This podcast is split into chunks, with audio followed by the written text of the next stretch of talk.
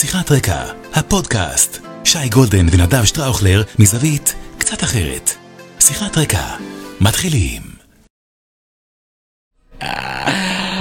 שייקה, נדב, וולקאם. שטראוכלר, שינלדינה. תראו אותך באולפן עם מיקרופונים, תראו מה עשית, לאן הגעת בחיים. מה עשית פה, תגיד לי? תקשיב, צלצלו, אמרו ישראל היום, אולי תעשו שם את הפודקאסט. מעניין. אמרנו ישראל היום, למה לא? זה גם ישראל, זה גם היום. היום, ואנחנו בישראל היום. וזה בדיוק קרה. בדיוק, אמרנו בוא נעשה את זה. והאמת גם חשבנו באמת עכשיו ביושרה, שזו הזדמנות לחשוף את ה pod לקהלים נוספים. ברוך השם היה לנו קהלים, קהל מאוד מגוון, מאוד ועודנו. ועודנו פה איתנו. אבל אמרנו, אנחנו רוצים להפיץ את הבשורה, רוצים להפיץ את הדבר הזה שאנחנו עושים כבר ביחד שלוש שנים. כן, כמעט שלוש שנים. איזה פרק אנחנו עכשיו? אז נגיד, נגיד, נגיד, נגיד מההתחלה, אנחנו בכל פרק מתחילים ככה, יש countdown בדרך כלל, אבל פה יש כל מיני עניינים טכניים, לוגיסטיים, ויזואליים, גרפיים, אבל קודם כל צריך להתחיל מאיפה? מההתחלה. אז אנחנו שיחת רקע, ואנחנו בפרק מספר 90, אבל גם בפרק מספר אחת. כי בעצם אחרי כשלוש שנים, 90 פרקים, והנה אנחנו, אה, מה שנקרא, קופצים כיתה. זה כמו לעבור מאימקה לטדי, כן. נכון? היינו באימקה, 90 פרקים, עברנו לטדי, אותה קבוצה, אבל פשוט עברנו לטדי. עכשיו, יש, לאימקה יש אה, הרבה ייחודיות למה. וזה, ורגש ועניינים וזה, וטדי זה הדבר הגדול. אגב, ראית משחק באימקה פעם? אני לא ראיתי בעיניים, כי אני צעיר אה, טיפה, צעיר אבל מאוד. הייתי באימקה, אני ראיתי משחק באימקה. הייתי באימקה, אבל זה כבר היה, אתה יודע, לא אני ראיתי משחק. באימקה, זה מגרש מטורף. אז מאימקה לטדי, אה, ואנחנו נגיד שכמו בכל פרק, אנחנו מתחילים מההתחלה, שאנחנו פה, שי גולדן, נדב שטראוכלר, שיחת רקע, אנחנו נספר פה קצת רגע למי שלא בתוך העניינים וכולי, מה אנחנו עושים וכולי, אבל נגיד שיש פה צלע שלישית תמיד, ששמה רני אנחנו אשל. משולש ושוקיים, שני צלעות. שמפיק אותנו, עורך אותנו וכולי, אבל הצטרפו אליו צוות מוביל. מאדים של ישראל היום, אסף כשר ואורי דגון. ונטע פלודרמן המפיקה המטורפת שלנו המדהימה, שפע. ודניאל שפע על הצד הטכני. עם הכובע, שאתה קלטת שהוא דומה. אני קלטתי שהוא דומה למאמן, לעוזר מאמן מטד. לסו, אז יפה. אתם צריכים לראות אותו, אני אומר לכם, יום אחד, יום אחד נעשה את זה בפוד, בעמוד שלנו, נעלה תמונה שלו, מול הזה של הטד לסו, אתם תמותו. קופי פייסט. אחד לאחד, אז אנחנו כבר עם אה, חפ"ק, כבר נהיה פה ממש חפ"ק רציני. אה, אז אנחנו נגיד שמי שפספס איזה 89 פרקים קודם, אה, אנחנו פה בכל שבוע, למעשה החל מהיום, זאת פרק ראשון, אני קצת מתרגש. גם אני. בעזרת השם זאת, גם, גם, גם קבענו לעצמנו פק"ל זמנים, הווה אומר שש בערב, יום רביעי, פק"ל. יום פק"ל. רביעי, בשעה שש, בעזרת השם, זה השעה, זה איתכם. המקום, זאת שימו, התוכנית. שימו בזה, ב... ויהיו פה, ביומן. יהיו פה עוד כמה שדרוגים, יהיו פה אורחים שיצטרפו אלינו, יש פה הרבה מאוד תוכניות קדימה, אנחנו אה, לוקחים את העסק בר- ברצינות, אבל לא ברצינות מדי, בוא נגיד ככה, בכל זאת אנחנו פודקאסט. צריך להגיד. יפה. עכשיו, קוראים לנו שיחת רקע, רק למי שלא מכיר את נדב, אני אעשה לו את ה introduction. מי שמכיר אותנו מכיר את נדב, מי שלראשונה פוגש אותנו, אז נעשה לו את ההיכרות. נדב שטראוכלר שותף בלניאדו אה, שטראוכלר תקשורת, משרד אה, ייעוץ אסטרטגי וניהול משברים אה, מהטובים והגדולים בארץ. נדב ניהל קמפיינים של כמעט כל הפוליטיקאים והמפלגות בישראל, חברות ענק, ייעץ, ניהל משברים, עבד לפני ומאחורי הקלעים של המון המון אירועים אסטרטגיים במשק הישראלי, הפוליטיקה הישראלית, בין היתר עבד גם בלשכה של מר נתניהו, בבחירות אחד או שתיים? 2019 א', 2000 א', ה-36 מנדטים. שישה מנדטים. אז הוא באמת אחד מיוצאי התקשורת ה- בעיניי הטובים והמבריקים בישראל, ואני כפי שאתם מבינים, פגשתי את כולם, עבדתי מול כולם, ראיתי את כולם, אחד מהטובים, אם לא הטוב ביותר. אני שי גולדן, 24 עיתונאי, 24 שנים עיתונאי, ואנחנו מנסים פשוט להביא לכם את הסיפור של המציאות מזווית שאנשים שמכירים אותה קצת מאחורה. בדיוק, קצת מאחורי מאחורה. הקלעים. שיחת רקע, אגב, למי שלא יודע, זה מונח עיתונאי, שגור, שבין עיתונאי לבין הגורם שהוא נפגש איתו, יש את הדברים שנמצאים און רקורד, מה שמגיע לעיתון או לטלוויזיה וכולי, ויש את השיחת המסדרון, את השיחה מאחורי, את השיחה שבה נאמרים הדברים שלא נאמרים בהכרח לפני הקלעים, והם מובאים בצורה כזאת, בצורה אחרת. זה נקרא שיחת רקע, מה שקורה מאחורי ולא נכנס ללפני. אז אנחנו בעצם הולכים להביא פה את- קצת את מה שמביאים, את מה שקורה מאחורי הקלעים לפני הקלעים. נגיד שבאמת ב, אה, בשלוש שנים ה, אה, שאנחנו ככה רצים, אה, מה שהתחיל כשיחת מסדרון והפך להיות פודקאסט, ברוך השם, באמת מוביל ב- בישראל, בעולמות תוכן שבהם אנחנו מתעסקים. אה, גדל, התעצם, היום יש לנו אה, צופים ומאזינים, צופות ומאזינות מהארץ, מהעולם, ימין, שמאל, וכולם איתנו פה ב- בעזרת בלהקה אחת השם גם. אה, גם יהיה לנו בפרק הבא פודקאסט, לא פודקאסט, לפטופ, נוכל גם לראות תגובות שלכם, להגיב, אנחנו מאוד נשתדל גם תוך אוהבים, כדי תנועה. בהחלט, מאוד אוהבים. ואנחנו בכל פרק מתחילים למעשה עם מה שאנחנו קוראים פרק החולצות. לפני שאנחנו גולשים לנושאים עצמם, לתוך העניין, יש איזה קצת build-up, קצת להרגיש שזה ה fun שלנו, זה האהבה שלנו. אז, אז או שתהיו קצת סבלניים, או שתתחברו לאהבה הזאתי. הרבה אנשים, אה, כאילו, זה אחד הקטעים שהם מאוד אוהבים בתוך ה pod. אחרים אומרים, קפצו ישר לעניין, אבל אנחנו, יש לנו את הדרך אגב, שלנו. מותר להריץ חמש דקות. מי מותר. שלא אוהב ספורט, הכל בסדר. מותר. אבל זה, זה, זה, זה הקטע שלנו מהפרק הראשון, מי שמכיר אותנו, אנחנו אוהבים ספורט, נותנים לזה חמש דקות, גם את אבירה מנגיסטו אנחנו אוהבים, גם לא אנחנו מקדישים. מקדישים, אה, כבכל פרק. נגיע גם לזה. בוא נדבר על שלך. כל אחד היום משקיע בחולצה שהיא... כי בכל זאת. יש לו, יש לו משהו זאת, איתה. בכל יש לו זאת, משהו איתה. בכל זאת, אז... אה, עשר, אני היום עשר, אם ממש כאילו דניאל יעשה פה קלוזאפ, אז אנחנו נראה 12 ביולי 98, זה חולצה... אה, זה לפני 25 שנה. כמעט. זה החולצה, כמעט. זאת החולצה של מספר 10, צרפת. זיזו. זה מבחינתי אחד, בטח בעת הנוכחית או העת החולפת. זיזו. אחי, היה להם 10 פלטיני. פלטיני עכשיו כמובן, עם בפה. נכון, את אבל הש- עם כל הכבוד למבפה, פלטיני וזידן, מבחינתי זה אירוע כן. אחר, לפחות היום. למרות שהם בפה לקח גביע העולם, ואיך קוראים לו? מה פלטיני לא שנקרא, לקח, אז, מה ששלו שלו. אה, וזידן חגג השבוע, אה, יום הולדת 51. די. כן. אה, ורבים לא יודעים, אבל, ותראה איזה יופי, אתה יודע כמה קבוצות זידן עבר בחייו? אני אגיד לך, אני יודע ששיחק ביובה, אני יודע ששיחק בריאל מדריד, שיחק לדעתי בליל או בניס, קרוב, אה, סנט אתיאן. קרוב. התחיל בכאן, בקטנה, אוקיי. עבר לבורדו, שם הוא התגלה, כן. ומבורדו, בעצם, אחרי בורדו, תחילת הקריירה שלו בצרפת, שתי קבוצות בלבד. ריאל ויובה. ריאל, ויובה וריאל, כן. שבשניהם הוא כמובן למעלה מ-150 משחקים, איקוני, סמל, אה, גם כמאמן, קבוצה אחת בלבד, ריאל ריאל. מדריד. אה, קלאסה בטונאז', אה, סדר גודל שאנחנו לא מכירים, משהו של פעם בדורות אפילו, אם לא בדור. קלאסה ענקית, זו כמובן החולצה שאיתה הוא אה, שיחק ב... לא החולצה הספציפית הזאת, כמובן. אבל זאת החולצה שהוא שיחק איתה כי בגמר. הצמד בגמר בנגיחה. ולא יישכח גם הגול שלו בגמר ליגת האלופות נגד לברקוזן במדי אה, ריאל, גם ענק, הוולה המטורף, מקצה בהגנה. ה-16, כן, משהו מטורף. גם משחק מדהים, אה, בן אדם ב class, שחקן ב class, class בפני עצמו, ומכיוון שאנחנו עכשיו פה עושים איזה class אחר, אמרתי, ראוי להביא את זידן, חגג יום הולדת, אני גם אוהב אותו, גם ראיתי ראיון איתו לפני כמה ימים, שהוא אמר, אני לא שולל לאמן עוד אה, קבוצה, יש עכשיו את הסיפור שקורה בארצות הברית, עם בקאם, כל העניין הזה, גם איזה כיוון שהוא מסתכל עליו.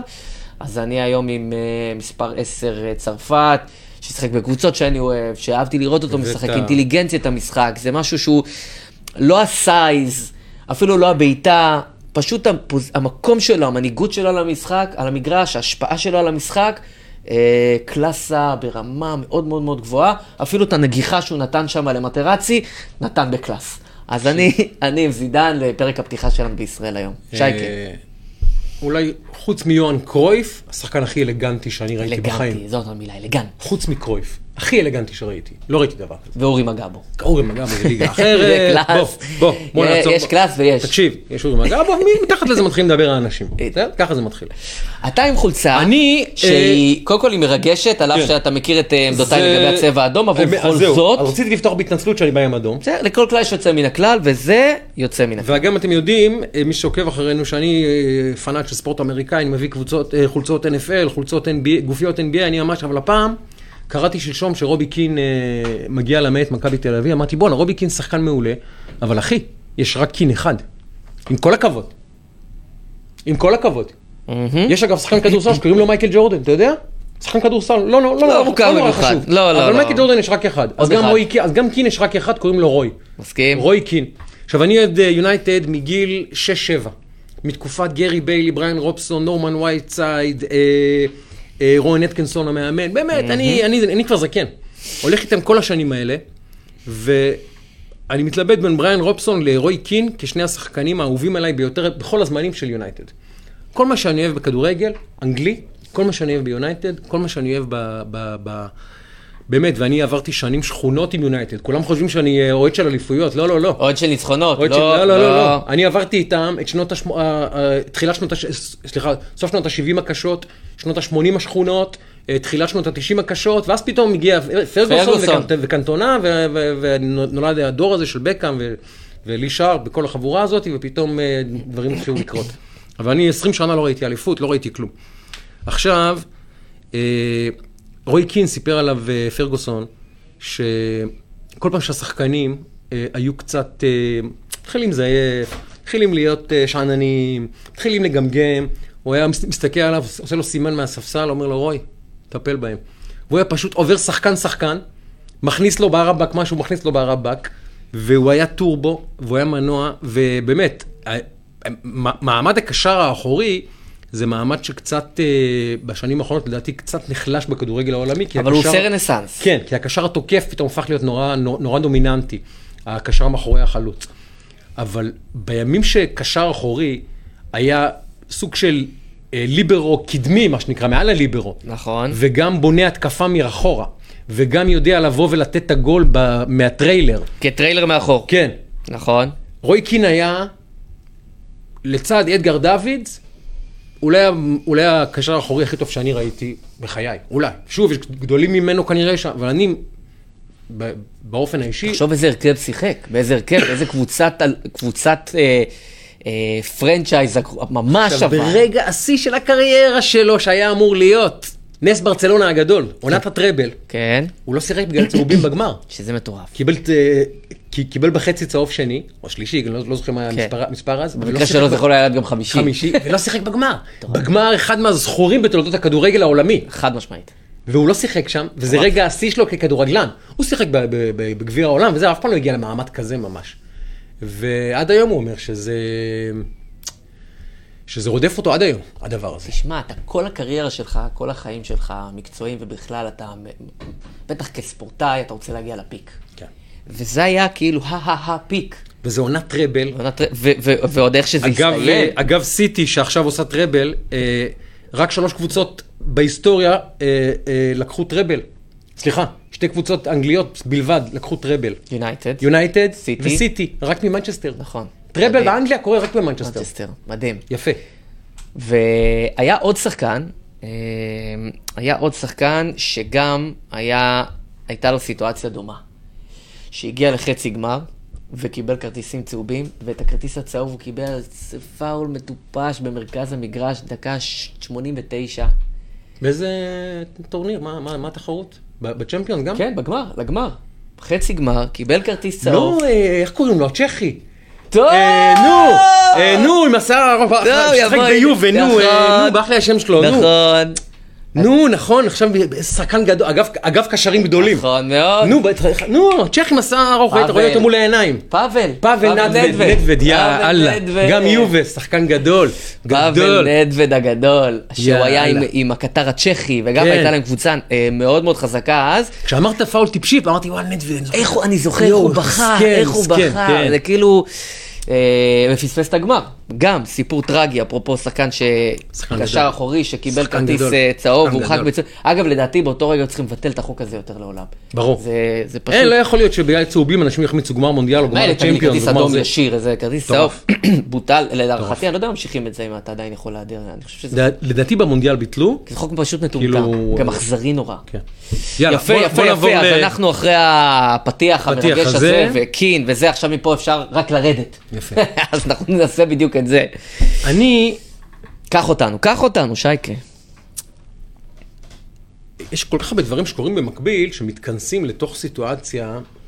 מצד אחד, משפט נתניהו עובר אירוע מאוד מעניין. מאוד, מרתק. בשבוע שעבר, אה, הפרקליטות מודיעה, סליחה, בית המשפט מודיע לפרקליטות ול, ולהגנה, שתיק השוחד, סליחה, שסעיף השוחד, לאחר שהתביעה סיימה לשטוח את טענותיה, כנראה הוא לא אה, בר אה, הוכחה והרשעה בבית משפט. סטירת לחי קשה. קשה. אה, ביומיים האחרונים אנחנו קוראים שעדות מילצ'ן גם כן לא מיטיבה נורא עם, ה, אה, עם הפרקליטות. יש אומרים אפילו מזיקה לה במידה מסוימת, ושות... ומרסקת את טענותיה. עכשיו, מה שנותר בעצם, תיק 4000 למעשה שוב, אני לא משפטן, אני מסתמך על אה, אנשי משפט אחרים ש, שקראתי, תיק 4000 בין בר מינן ל... יש לנתק אותו ממכונת ההנשמה. בוא נגיד 4000. ככה, בהיבטי ה- בהיבט של השוחד, לא רק שהוא אה, בר מינן, גם ההתנהלות והדרך כן. עשתה לזה כאילו... אין ספק. ועכשיו מסתמן שמילצ'ן היה יד המפתח באלף. ועושה רושם שגם תיק אלף כנראה אה, לא בשיאו. עכשיו עומדת השאלה ההיסטורית בפני הפרקליטות. האם הם מתאבדים על העניין הזה? מתאבדים עליו פשוט. כי זה עניין של אגו ושל פרינציפ ושל... בכל זאת, אתה יודע, טרללו פה מדינה שלמה, שש, שבע שנים, כמה הדבר הזה נמשך. כאב הושקעו פה שכחו-. אה, יש שאומרים מעל 100 מיליון שקל, כך אומרים. אין ספור שעות עבודה של פרקליטים, אין ספור אה, נסיעות לחו"ל, ועדים, ותחקירים, ולא יודע מה, וכל העולם ואחותו. אתה לא יכול אחרי העבודה הזאת פשוט להגיד, טוב, פוס, אני, אני חוזר אחורה, זה לא רציני. אגב, כמו, כמו, כמו אה, זדורוב, שכבר היה ברור שהדבר הזה, משהו שם אה, לא עובד, והם פשוט התאבדו על התיק הזה, ואמרו, לא מעניין אותנו, אנחנו הולכים והולכים והולכים עד הסוף. עד שבית המשפט פשוט אמר להם, חבר'ה, אתם יודעים מה? אני מזכה אותו, נמאס לי. נמאס לי מהדבר הזה, כבר. ו... בית המשפט רמז להם בכ- בכמה הזדמנויות. אז עכשיו אני שואל אותך, ויש לך פרשנות ממש מרתקת בעיניי לדבר הזה. האם לדעתך הפרקליטות, ובעיקר גלי ברב מיארה, היועמ"שית שהיא זאת שצריכה לקבל את ההחלטה, תתאבד על הדבר הזה בשביל האגו, בשביל הכבוד, בשביל הפרינציפ, או שיש סיכוי שימצאו דרך לרהט מהעץ. זה, זה מה שאני רוצה. ימצאו איזו עסקת טיעון, שתהיה נוחה לכל הצדדים. תשמור על, על, על, על, שמו, על, על כבודו ושמו הטוב של כל אחד. נתניהו יקבל משהו, הם יקבלו משהו, כל אחד יוכל להגיד ניצחנו, שלום על ישראל, ישחררו את עם ישראל מהדבר הזה. שלדעתי גם חברינו בשמאל כבר רוצים שזה ייגמר. אף אחד לא רוצה משפט. די, מספיק. המשפט הזה הוא אבן ריחיים על צווארה של המדינה הזאת.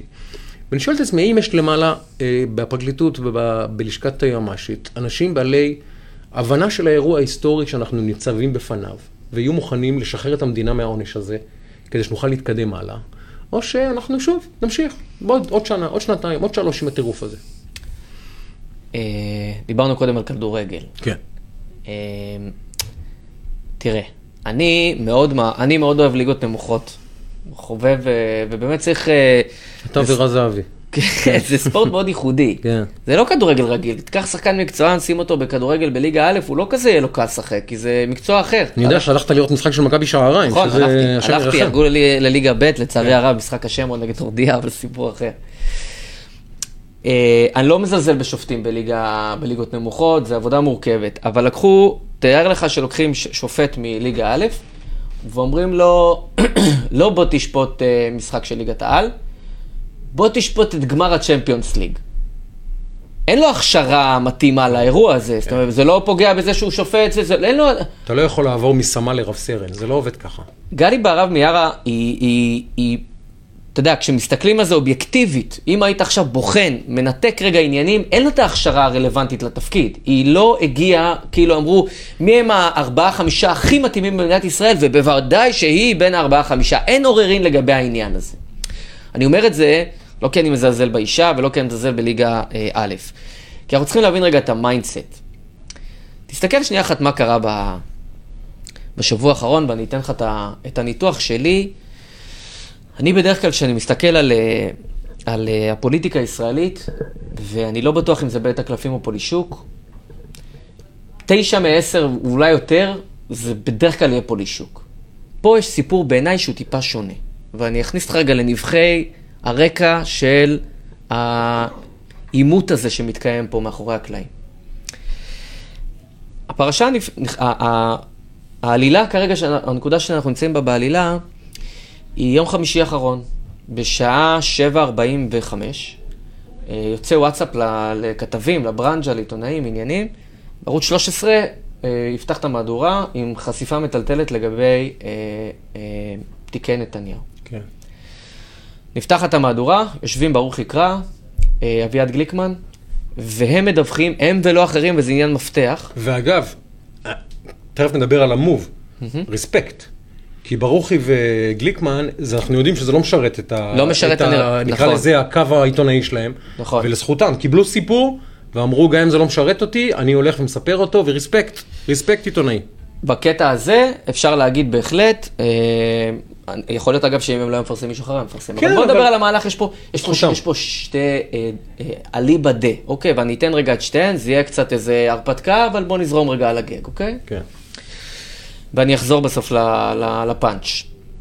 העלילה, יום חמישי, 7.46, יוצא וואטסאפ, 7.58, נפתחת מהדורה, הסיפור מתפרסם, אין, אה, הש, הסיפור מתפרסם, השופטים קראו לפרקליטות, קראו לכמה אנשים והודיעו להם, עורכי הדין, ואמרו להם, אין שוחד. תרדו מהעניין, אין שוחד. הסיפור הזה מתפוצץ בערוץ 13, לדעתי, אני לא זוכר הרבה שנים פולו-אפ כל כך משמעותי לערוץ 13. זה היה באולפן שישי בערוץ 12, זה בום, זה בום. זה היה כותרת ראשית בכל העיתונים, זו. הייתה שיחת היום בכל מי שמתעניין בנושא הזה בסוף השבוע, אני לא זוכר פולו-אפ שכזה. לדעתי מאז הגשת התיקים, אה, אה, אה, סליחה, הכתב אישום, זה היה הכותרת הכי דרמטית הכי במשפט נתניהו. יפה. זאת אומרת שאנחנו מסכימים שאם מישהו רצה למזער את האירוע, הוא עושה עבודה לא כל כך טובה. כן. כי הייתה גרסה, וזה היה ליבד, אה, נגיד פולישוק, שרצו להקטין את הסיפור ולכן נתנו אותו לברוכי ו, אה, ו- וגליקמן. זה לא מסתדר לנו עם העובדות, ולכן אני, אה, אני אומר שיש פה איזשהו רציונל. זה יוצא, זה יוצא ענק, זה יוצא בפולו-אפ משוגע בכל כלי התקשורת בישראל. ומה קודם לזה? קודם לזה, אה, לפחות שיחה אחת ויותר, שבה, זה דבר גלוי, שבה מנסים לרמוז לגלי בהרב השופטים. מיארה, השופטים מנסים לרמוז לגלי בהרב מיארה, תקשיבי, תרדי מהעניין. הם אומרים לה חודש לפני, תלכי לגישור תחפשי פלילי. גישור, תחפשי תלכי גישור. לגישור, מנסים לומר לה תחפשי. גישור. יש לך עוד פה כלים ביד, תחפשי גישור. היא לא מסכימה, לא רק זאת, היא יוצאת החוצה בחזק מאוד ואומרת, גישור לא יהיה כאילו על גופתי, מתדרכת יוצאת בקולה, לא בקולה, לא יהיה גישור, רס מן אמו לא יהיה גישור. אני יודע שיש בדרך עוד תהליך שמנסים לייצר את המהלך הזה, אבל היא חד-חד ערכית לא מוכנה שיהיה גישור. ואז זה יוצא. וזה יוצא, ואני קורא לזה הקש בגלי. זה כמו הקש בגג, מי שיודע, הקש בגלי. מה קרה פה, בעיניי, ו- וזו פרספקטיבה שצריך לקבל אותה, ואפשר uh, ל- להסכים לה או לא, אבל שווה, שווה להבין רגע מה קורה פה. השופטים, בדרך כזאת או אחרת, אני לא uh, מאשים ולכאורה וכו' וכו', מוצאים את הדרך שהמידע הזה יגיע מערוץ 13. למה מערוץ 13? כי אם מישהו אחר היה מוציא את זה, ערוץ 14, ערוץ 12, לא יודע מי, כל, כל פלטפורמה אחרת, היו אומרים, אוקיי, יש פה אינטרס, הם בעד או נגד, כולם פה בעד או נגד במשפט, אבל כשברוכי וגליקמן מוציאים את זה, אי אפשר לחשוד ספק, בהם. שהם בעד שירד סעיף השוחד ספק, והם בעניין של ספק, זה. זה אין כאילו, זה בא מהוויקס סייד, כאילו לגמרי, וזה יוצא משם, וזו אמירה משמעותית. מי הפוליטיקאי, אולי הראשון, המשמעותי, שמדבר על העניין הזה לאחר החשיפה, כשעה לאחר החשיפה? הפטרון של גלי, גדעון גדעון סער. סער. גדעון סער הוא הראשון שמדבר על זה. עכשיו, גדעון סער לא דיבר, אני לא, אין לי שום תיעוד שהוא מדבר משהו נגד גלי בהרב מיארה עד הנקודה הזאת. עכשיו, יכול היה לא להגיד כלום. הוא בא ואמר, צריך רגע לראות מה עושים, צריך לחפש עסקה. עכשיו, גם יש לו את האינטרסים שלו שתהיה עסקה, אבל... לא, הוא הוא אומר בבירור, המשפט הזה צריך להסתיים בעסקת טיעון. יפה. הוא אומר את עכשיו- המשפט הזה. יפה, אבל הוא יכול גם לא היה להגיד. זאת אומרת שיש פה גם ערוץ 13, גם גדעון סער, בעצם עושים פה מתואם, לא מתואם, גם בית אחד זה- המשפט כמובן. אני אומר, המחולל כן.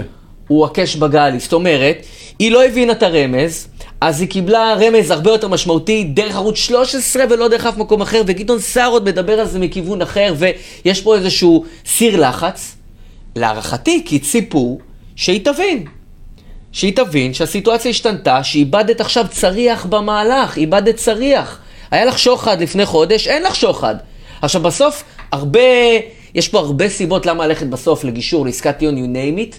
היא איבדה כלי במשוואה, כלי לא קטן. הרי מה יצא, מה היה כל העניין פה? שוחד, מרמה, הפרת... אמ- אה, אה, כאילו, זה, המילה הראשונה בכל האירוע הזה נמחקה כליל באירוע. ועכשיו- ואז היא לא מבינה את הרמז. היא ממשיכה וממשיכה בקו שלה. אגב, עוד יותר גרוע, היא אומרת, עדי ההגנה, שזה דבר... זה תקשיב, מיסקונספציה אני, הזייתי. אני למדתי משפטים, אני לא עורך דין, לא משפטן, באמת, אה, היה לי שכל בזמנו אחרי משפטים להגיד תודה רבה, אבל ה- ה- הטענה שעדי ההגנה יחזקו את טענת השוחד שעדי עוד התביעה לא לא. הצליחו, זה אחד הטובים, באמת, זה לא שמעתי. אז רק אסגור לך את הפינה בנרטיב הזה, שזה לא הגיע, הייתה, היה טיעון שזה הגיע מהפרקליטות. אני לא רואה איזה אינסנטיב יש לפרקליטות להוציא ביום חמישי בערב, ערב העד הכי משמעותי שלכם בתיק 1000, שהוא התיק דגל מבחינתם, להכניס אותם, את הפרקליטות, את ליאת בן ארי, ללחץ כזה מטורף לקראת יום ראשון בברייטון, מה שהתחיל השבוע. ערב לפני זה, עשר דקות לפני מהדורה, ודרך ערוץ 13, אתה מוציא כזה סיפור מטורף. אנחנו מעריכים שזה ההגנה. אוקיי, מעריכים שזה ההגנה. לא בטוח גם, אני לא יודע. השופטים? אני, אני אומר את הדבר הבא, לשופטים, יש פה נרטיב, גלי בהרב מיארה שחובקה בצורה רדיקלית, פתאום מקבלת כתף קרה מהרבה מאוד גורמים. אתה רואה גם את הלחץ התקשורתי של כלי תקשורת כאלה ואחרים על השופטים, השופטים שפוטים, כל מיני כאלה. יש פה דינמיקה שהיא דינמיקה, בחודש חודש, חודש האחרון, סדר גודל, יש דינמיקה שהיא שונה מיום תחילת המשפט ועד עכשיו. עכשיו- ושווה להיות ערים לניואנסים האלה, עכשיו- כי זה האירוע שמאחורי האירוע. דיברת על השופטים. רוצה לה- לה- להראות לך, או לדבר איתך, על איזושהי טכניקת פעולה של החבר'ה מהמחאה. עכשיו אני אעשה disclaimer. תן. אה, אני עכשיו יוצא עם מישהי שהיא אה, משתתפת במחאה, היא הולכת לקפלן, דגלים והכל. בחורה נהדרת. ואני אומר לך, היא באמת ובתמים, באמת ובתמים חוששת, באמת ובתמים מאמינה שישראל בסכנה. אני כבר פגשתי מה שנקרא אדם ש, שבאמת, שאין לי שום דעה קדומה לק- יש לגביו, רבים נהפוך הוא. כאלה, זה אמיתי. ואני משוכנע שהיא מייצגת 95, 8, אולי אפילו 99 אחוזים מהאנשים שיוצאים לרחובות. ואין לי איתם, לא גרם, אין לי מיליגרם בעיה איתם. לגמרי? שיצאו, שיפגינו, שימחו, חבל שהם דואגים, חבל שערוצי התקשורת, אה, המיינסטרים, מייצרים כזה אה, אה, דמורליזציה והפחדה כזאת, וללא ספק אה, אה, גוררים את המדינה הזאת לסחרור של כאוס, אבל בסדר, 99 אחוזים. יש קומץ, קטן, קטן, נקרא לו אהוד ברקים, בסדר? והשכמה ברסלרים, שם קוד, זה לא ספציפי הוא או היא, זה הקבוצה הזאת, ש... מאגפים ומחשקים למעשה משמאל מאוד תוקפני את לפיד, את גנץ, כל מי שמעז לומר פשרה. כל מי שמעז לומר פשרה. מי שמעז למצמץ אפילו תהיה פשרה, ותכף נדבר על, אה, על גיבור היום שלך, כן? כל מי שמעז למצמץ את המילה פשרה, מיד הברסלרים והברקים משתוללים עליו. על גופתנו המתה. עכשיו הם עושים אותו מוב לשופטים. לא יודע אם אתה שם לב. זה מה שאני אומר. הרטו, הרטוריקה, ב, ב, שוב, באחוז הזה של הברקים והברסלרים, לא, לא, לא, לא כל המחאה, היא עכשיו, השופטים אה, מועלים בתפקידם, אנחנו נבוא איתם חשבון. אה, כמובן השחרה שלהם הם לא ברמה, הם לא ראויים, הם לא יודעים, נתנו, ל, כמו שאמרת, ליגה א' לנהל אה, את, את תיק המאה, אז עכשיו מחשקים את השופטים באגרסיביות ובעצם רומזים להם, אם לא תיתנו את ההכרעה הרצויה, נבוא איתכם חשבון. למה? כי השתנה הנרטיב. ברור. עכשיו תשים לב לטכניקה. הטכניקה שכל המחנה הזה, שרובו ככולו, ואגב, הסיבה שגנץ, ב, ב, ב, אה, דיברנו על זה באיזה פרק אחר, ואתה צודק נכון. מאה אחוז, העובדה שגנץ משתולל בסקרים, זה בגלל שהסנטימנט הלאומי הוא פשרה, ואיזשהו ניסיון להרגיע את הטירוף, ולהחזיר את ישראל ל, ל, ל, לפסים שפויים, ולחזור פה לנהל מדינה בגדול, סכסוכים סבבה, אבל שהמדינה הזאת תחזור נכון. להתנהל. ויש את החבורה הזאת של האחוז אחד, אהוד ברקים, שפשוט לא מעניין אותם, בחוסר אחריות, שבעיניי הוא נפשע. ואגב, אתמול המשטרה אמרה שהיא בוחנת אפשרות לבדוק. אגב. זה היה כותרת ראשית בידיעות אחרונות היום בענק. יפה. אבל האדם הזה וחבריו משחקים בחוסר אחריות שהוא פשוט בעיניי היסטורי בגורל המדינה הזאת.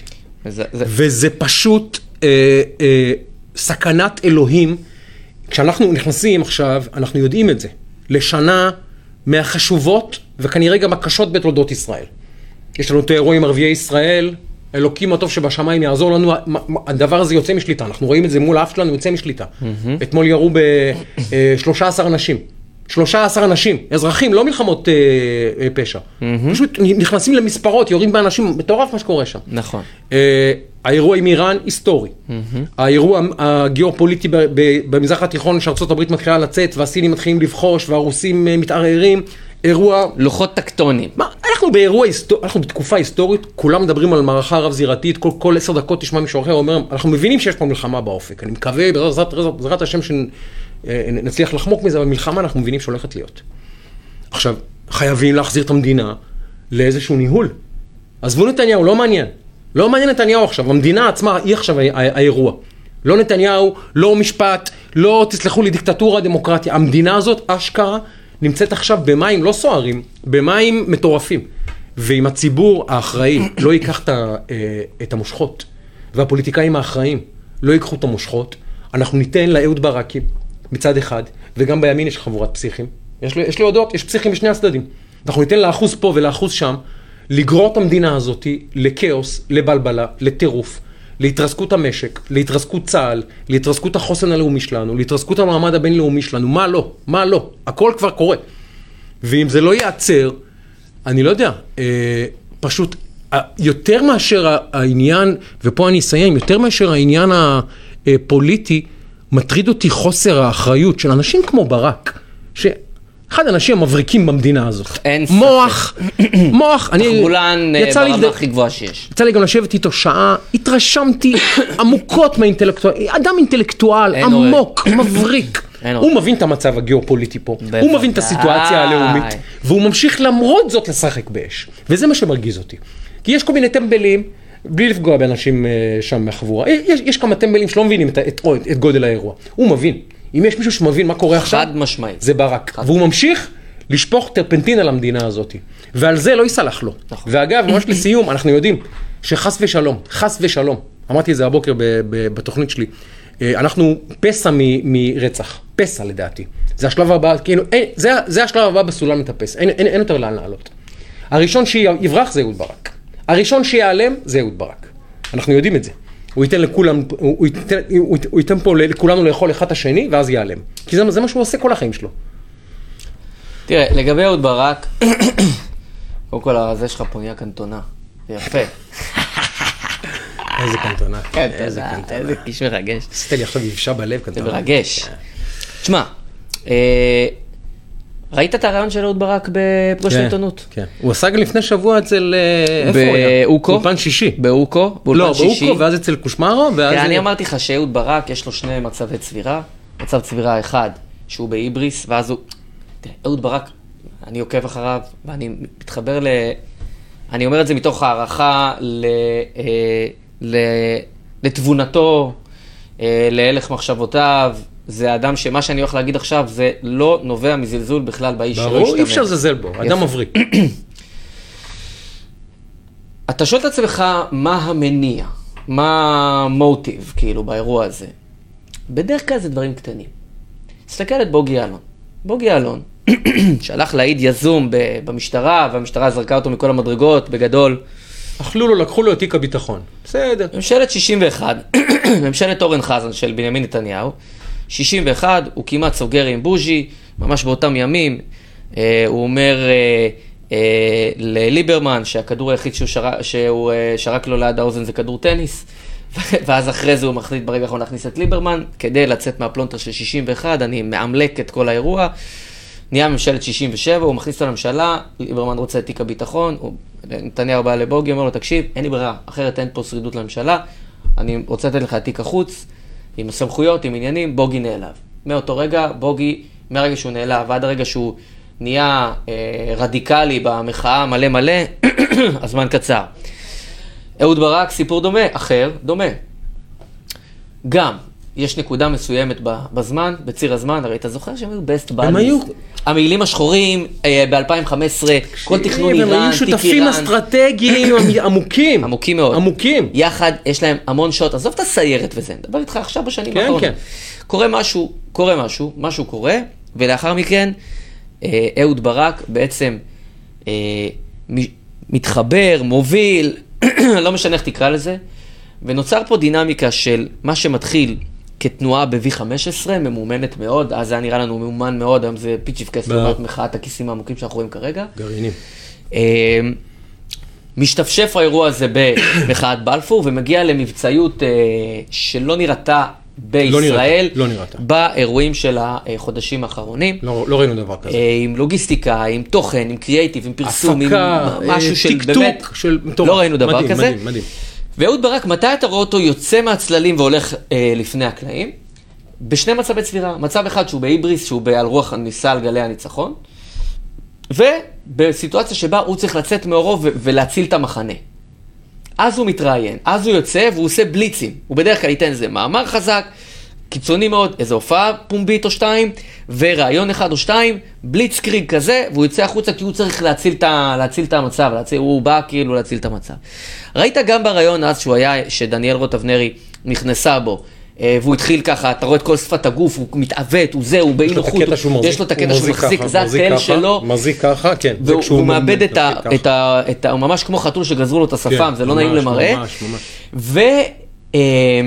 ופגוש את העיתונות, הוא מגיע שבוע שעבר, ובמסגרת של 13 וחצי דקות, הוא משחזר שיא של אוקטובר שנה שעברה, לפני הבחירות, ראיון שהוא נתן גם בפגוש את העיתונות, 14 דקות ו-41 שניות, ספרתי גם אז וגם הפעם, הפעם בקצת פחות מ-14 דקות, גם אז וגם בשבוע שעבר, הוא אומר את המילה נתניהו בצורה כזאת או אחרת, 27 פעמים. פעמיים בדקה בממוצע. זה קצב אש של פעמיים נתניהו בדקה. מטורף. אין דברים כאלה. עכשיו, זה ברור לך שאדם שאנחנו מבינים שהוא חכם, שהוא זה, שהוא כל הדברים הסופרלטיביים, הוא לא בשליטה על האירוע, זה חזק ממנו. זאת אומרת, המוטיב פה הוא כל כך חזק, זה, זה קנאה, זה פרסונל ונדטה, זה, זה משהו... עכשיו, האיש הזה משקיע את מירב מרצו, חבריו, כישוריו, לדבר אחד שהושקעו בו כבר הרבה יותר מ-100 מיליון שקלים, ולאופרציה שבאמת לא נראתה כמותה במדינת ישראל, בעיניי, מטרה אחת. להפיל את נתניהו. ברור. לא מעניין אותו כל הדברים האחרים, כל ספק. השאר זה עטיפה, זה... אין זה. ספק. עכשיו, כשאתה נמצא, ב, אתה יודע, אומרים, מע- מעבירה את האדם מהעולם, כשאתה נמצא בנקודה כזאתי, אז אין מעצורים. ו- ו- וכשאתה רואה, כשמאגפים אותו יאיר גולני ושקמה ברסלרים, ואתה רואה את חוד החנית, אגב, זה שהיא כאילו דוברת המ- המבצעים המיוחדים, מי אגב, שמח? שמעת שהיא קודמה לפרופסור אתמול? היא כבר פרופסור, היא לא דוקטור. מבחינתי שהיא תהיה, באמת, לא, אני- כנראה אישה מבריקה, לי- אה, מדענית מכון ויצמן, לא קשור. מכיר את האישה. אני מאחל לה כן. באמת, בתחום כן. ה- בתחום הדוקטורנטי שלה, שתפרוץ כנ- כנראה מדענית אה, מוצלחת. כל לא- הכבוד. לא יודע, לא לא מבין בתחום הזה. דיאט, כן. בתוך המסגרת הזאתי, על לבוא לחסום את נתב"ג ביום שני, שזה עוד פעם, זו פעולה הזויה בעיניי, ואני חושב, לעניות דעתי, זה שהיו עצור וחצי, פחות או יותר, מתחילת המחאות האלה, ואנשים פה עושים בורדל דה לבורדל ברחובות המדינה, ואני זוכר מה קרה בגוש קטיף, כי הייתי שם, אז אי אפשר לספר לי סיפורים, וגירשו את המשפחה שלי משם, אז אני יודע בדיוק איך התנהלו עם האנשים, גם התקשורת, גם מערכת המשפט, גם המשטרה. זה לא אותו אירוע, ומחאת האתיופים ובכלל, ואתה רואה פה שום, כלום ושום דבר. ואני אזכיר לך עוד בסוגריים, אתה תמשיך. הוא מבין שהוא יכול... אה, אני אזכיר לך בסוגריים, שמשה פייגלין אה, ישב-. ישב חצי שנה בכלא. דוגמה מצוינת. בכלא, כי הוא קרא למרי אזרחי. אנשים נכנסו פה. למעצרים מנהליים, אז, אז אתה... חצי שנה. אז הם באים וממרידים ומקצינים ומקצינים את הטרמינולוגיה. עכשיו, למה הם מקצינים את הטרמינולוגיה? כי הם מבינים שהם בעיה, כי הם איבדו אחיזה. מתי הם יוצאים מהכלים? הרי כשאתה מנצח אתה משייט. מת- הם איבדו אחיזה, אז הדקלרציה הולכת עוד צעד קדימה, וגם האופרציה הולכת עוד צעד קדימה. כי הם, אני מרגיש שהם מרגישים שהם מאבדים את המיינסטרים. אני מסכים. הם מאבדים את הליבה של ה... אנחנו רואים שההפגנות נחלשות. והם מנסים ממש, זה כמו שפעם היה באוטו צ'וק. זוכר כשהם עושים צ'וק כן, כדי להדליק כן, את המנוע? כן. לתת עוד מנת דלק, עוד מנת דלק, אולי זה יתניע הפעם. והמנות דלק זה מנות של... אה, אין מה לעשות. השלטים נהיים יותר אלימים, הטקסטים הופכים להיות מזעזעים. גם אתה רואה שבהתחלה היה איזשהו קו קוהרנטי, אבל כשזה לא מבקיע, אז אתה כן. רואה דילוגים, דילוגים קריאיטיביים, דילוגים, כן, דילוגים. כן. זאת אומרת, אתה רואה שהמכונה שעבדה כמכונה משומנת, ירדה מהמסלול, קשה להחזיר אותה, והם מנסים להחזיר אותה בגלל שהם, אתה יודע, קצת, אפרופו גם בן גביר בצד השני, יש לו את אותה שגיאה, את ה- ה overkill הדקלרטיבי הזה, במקום, הוא מתעסק בדקלרציה במקום באופרציה. הם לקחו את זה כאילו next level ב overkill, ונוצר פה חיץ מעניין. בסוף אמרת, רוב המפגינים, הרוב המוחלט של המפגינים זה אנשים על הכיפאק. ברור. שבאים לעשות, כאילו, הם מאמינים, הם דואגים, אני מבין אותם, עוד נקדיש לזה גם זמנים, זמן לעניין הזה.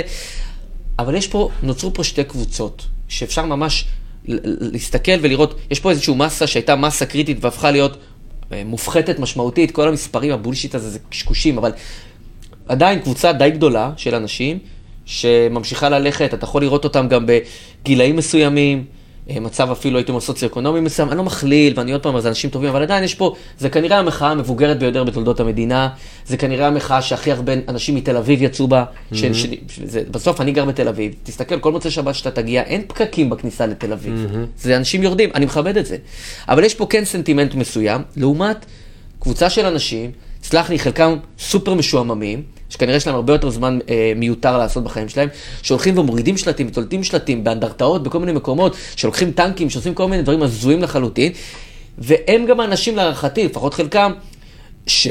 שגם אחד עושים את ה overkill, וגם דה פקטו גורמים לה, לה, להיפוך הסנטימנט.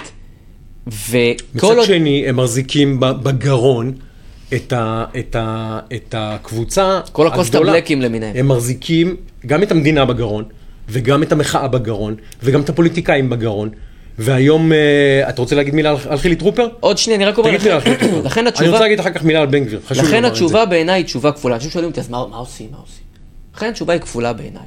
עם אותה קבוצה קטנה, כל עוד אנחנו עדיין מוגדרים כמדינת חוק, ככה אכפו בגירוש מגוש קטיף ובמחאת האתיופים, אז כך צריך לאכוף. אני נגד אלימות, אבל צריך לאכוף. אנחנו, נכון. מדינת. אנחנו מדינת חוק. ועם השאר, שזה מרכז המסה הקריטית, צריך לדבר. אני אגב, אתה יודע, כולם אומרים, לא, לא, לא, לא, לא, לא רוצה לדבר פוליטיקה, לא רוצה לדבר, לא רוצה ריבים, אבל כשאתה, מת, כשאתה בכל השיחות אה, החברים והמשפחות, לא, לא, לא רוצים לדבר על זה, לא רוצים לדבר על זה, לא, צריך לדבר על זה. עכשיו, אני אגיד לך בהמשך לזה משהו. אחרי, אני אגיד לך על חילי טרופר. תראה, הפשלה, קודם כל, המחאה, לא המחאה, הרפורמה, או המהפכה, כל אחד מה שהוא רוצה. בעיניי זה רפורמה.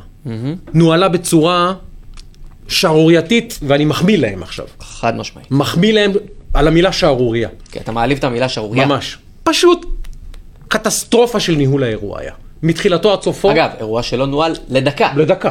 מ- מהרגע הראשון עד עכשיו לא הייתה, לא היה דבר אחד טוב שהם עשו. דבר אחד טוב.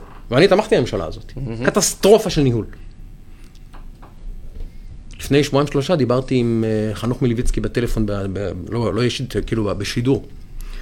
הוא אמר לי, הולכים להמשך הרפורמה. אמרתי לו, חנוך, תקשיב לי טוב. אם אתם, את המהלך הזה של הרפורמה, זה אגב אנשים שצריכים לדבר איתם, אל, המיינסטרים. אם אתם עכשיו הולכים לחקיקה חד צדדית שוב, בלי לדבר עם המיינסטרים ולהסביר לו מה קורה, שוב, שוב תהיה פה אה, אה, חגיגה במדינה. ועכשיו אני אומר לך את זה בעצב, הם שוב עושים את זה. שוב הולכים לעילת הסבירות, בלי לדבר, בלי להסביר, בלי לעסוק ב- ב- ב- ב- בשיווק הדבר הזה, בהסברה שלו למיינסטרים, בהסברה של האנשים, הרי, הרי את, את, אתה רואה את השלטים, אה, ראיתי, ראיתי, ראיתי שלטים הכי מטורללים, אה, מירי רגב, אם עילת הסבירות תעבור, מירי רגב לא תאפשר לכם לנסוע בשבת. אם עילת הסבירות תעבור, יואב קיש את אה, הילדים שנניח שלכם להניח תפילין. כאילו דברים אבל ש... זה- אבל זה מי עושה את זה? כל הברסלרים. בסדר, בסדר, אבל, אבל אנשים שקוראים את זה, של, שלא נמצאים בתוך האירוע, אלא רק... אין להם קונטרה. נכון. אין, אין, הממשלה שוב הולכת לחקיקה חד צדדית, כי את הממשלה, ה base שלה אה, מושך באף. אבל גם, גם, גם, כי, כי מי שברח, אפרופו אהוד ברח, מי שברח מהשיחות זה לפיד וגנץ, אגב, לדעתי בשגיאה. אין ספק. ועדיין, ועדיין, אה, כמאמר המשל, עץ ששתלו אותו עקום ישר כבר לא יצמח, אז את עץ הרפורמה שתלו עקום. אז עכשיו הייתה הזדמנות לעקור את השתיל הזה, ולשתול אותו מחדש, לטעת אותו מחדש, והם לא עושים את זה. ואני אומר לך, זה עוד טעות, והיא פשוט תעלה לנו, לכל המדינה, לא רק למחנה הימין, במחיר כבד. תסבירו, תעסקו בהסברה. עכשיו תקשיב, אהוד ברק הוא אדם פנומן, מבריק, הוא ניהל פה אופרציה שידובר בה עוד שנים. חד. שנים מדובר על מה אני שהוא אומר עשה לך, פה. כשאני מנתח את זה מקצועית, האיש. אני מצדיע. מעריץ את האיש. מה, אחד מהמהלכים, מהלכי המחאה המבריקים שראיתי בכלל בעולם. משהו מטורף, אירוע מדהים הוא נהיה. אגב, הוא, הוא גם אומר בקולו שהוא למד מדברים שקורים בקולומביה. הוא עילוי. עילוי, איש הזה עילוי. אגב, הוא לא לבד גם, זה כן צריך להגיד, יש פה אדם אופרציה. מבריק. אבל כן, מצד ימין, יש איזה אחד או שניים עם שכל. יש. לא כולנו סתומים. כן. לא כולנו אהבלים. יש שני- שניים שלושה שגמרו אפשר איזה אוניברסיטה. ארבעה למצוא. שלושה ארבעה שיצ... מה, תאסף מהרחוב. שלושה ארבעה שניים. שיודעים לכתוב, אחד, שניים אחד קורא. שיודעים יודעים לעץ אסטרטגית, יש כמה. יש כמה. לא מבין, לא מבין.